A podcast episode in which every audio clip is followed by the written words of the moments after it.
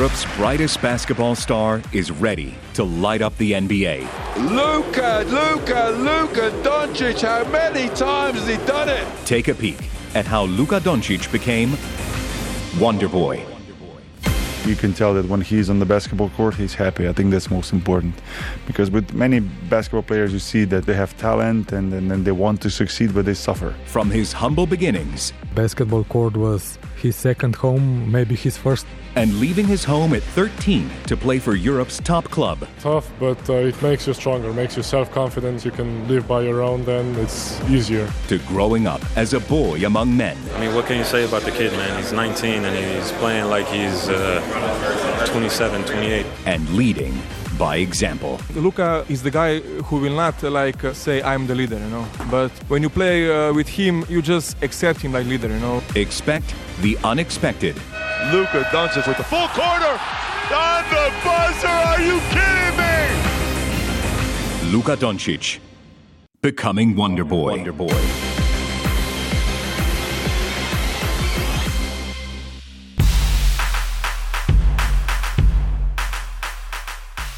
He's still a teenager, but Europe is too small for him already.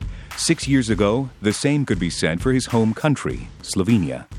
At the age of 13, before shaving for the first time, he took a giant leap of faith. Leaving everything behind, he moved across a continent and went to live among strangers, in another country, with another culture and another language. Destination Madrid, Spain, home of Europe's most successful basketball club. Ja, v bistvu mi ni bilo tako prijetno, kot sem mislil, ampak It wasn't as nice as I thought it would be. It was really hard for the first few months, but then I got used to it. To ease his homesickness, Luca's mom, Miriam Poterbin, visited him regularly in Spain, ultimately deciding to move to Madrid. ko je odšel iz Slovenije, pa je bilo kar zelo težko. No. Moral zapustiti družino, prijatelje, sošolce. When he left Slovenia, it was very difficult.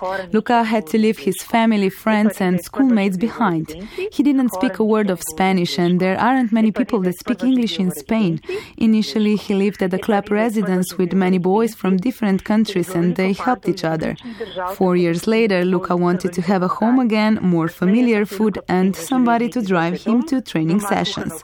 That's why I went to live with him, and everything became much easier. Skupaj je kar precej lažje, no, moram reči. Mirjam took care of a lot of Luka's obligations, letting him focus solely on basketball. His dad, Sasha Doncic, a former basketball player, competed in Europe's top league, the EuroLeague, as well as for the Slovenian national team. He found some positives in those testing first few weeks after his son moved abroad. Težko mu je bilo, ampak v principu pol v prihodnosti mu je bilo pa dobro, da ni bilo enega tazga. It was challenging, but in a way it was good that there was no one from Slovenia there who Luka could talk to. It may sound a bit cruel, but I believe that this is the main reason he learned how to speak Spanish fluently in just three months. Zaradi tega verjamem, da se v treh mesecih že tekoče nauči španski. Luka now speaks four languages fluently Spanish, English, Serbian, and Slovenian. Spain could have easily been Turkey, though. Real Madrid wasn't the first club that came calling. Luka tried out with one of Turkey's biggest clubs, Galatasaray. Ja, mislim, da sem bil na preizkusni Turčiji, kot se spomnim. I had a tryout in Turkey, but they weren't that much into me. So I went to Madrid. Tako da potem sem šel v Real. His rise through Real Madrid's youth system was meteoric. People took notice. By the time he made it to the first team, everybody knew who he was. He made his debut against Malaga just a couple of months after his 16th birthday. He hit a three pointer with the first shot of his professional career. Doncic de tres, dentro.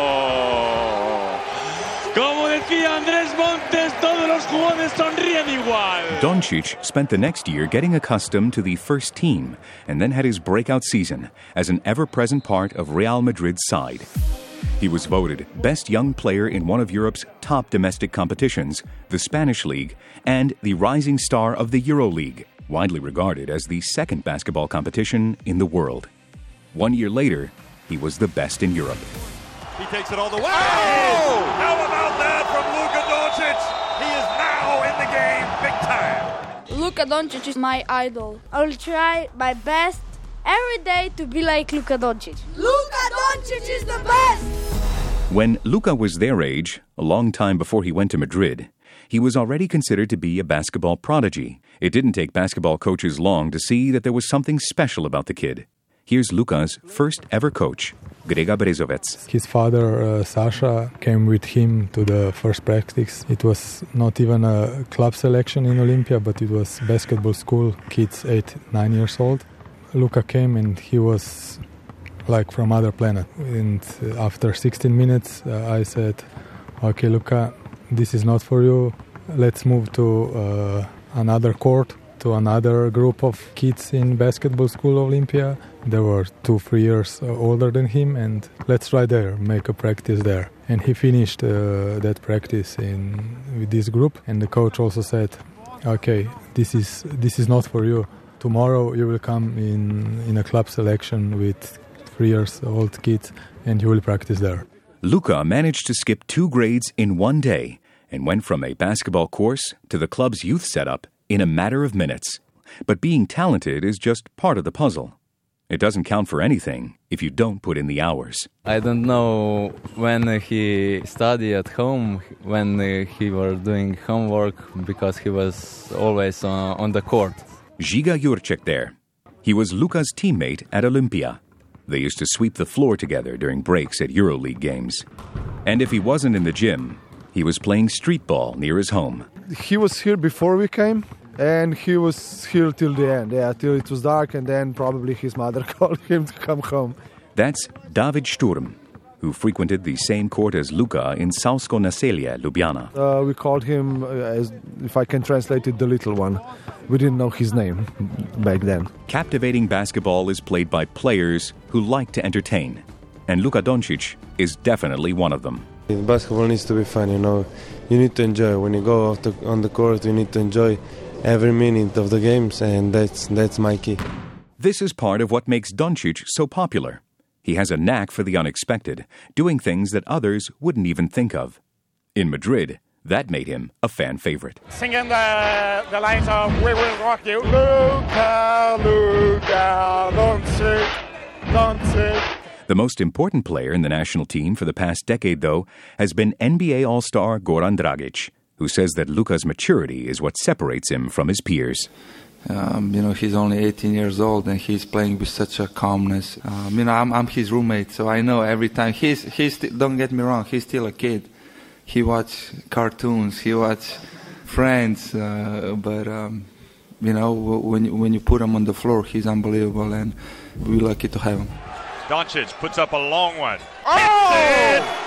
And wow! he, he looks up at the crowd with a huge smile. Slovenia was coached by Igor Kokoškov, who later became the NBA's first head coach born in Europe when he took over the Phoenix Suns. He's unbelievable talent. He's a diamond of, of, you know, for European basketball, and the sky's the limit. In the semis, Europe's best team, Spain, awaited. They had won three of the previous four European championships and were without a doubt the favorites. But the match wasn't even close. Slovenia ran away with it, winning by 20 points. This time around, Doncic had a great all round performance and was just two assists away from a triple double. And Slovenia made history by winning gold. Naslov evropskega prvaka je tukaj in tu smo, v raju smo, v košarkarskem raju. Doncic and Dragic, the double D, led their team to Slovenia's biggest sporting success of all time. Now, with his mission accomplished, Luka Doncic, the double European champion, has set his sights on the States. With the third pick in the 2018 NBA draft, the Atlanta Hawks select Luka Doncic from Ljubljana, Slovenia and Real Madrid. Zmer sem hotel biti igralec NBA, tako da, ko sem slišal moje ime, sem sam brez besed, zelo srečen. Doncic says that he has fulfilled another one of his life ambitions by becoming an NBA player this summer. That, though, is just the beginning. With new objectives and another target in his sights, it seems just a matter of time before Wonder Boy becomes Wonder Man.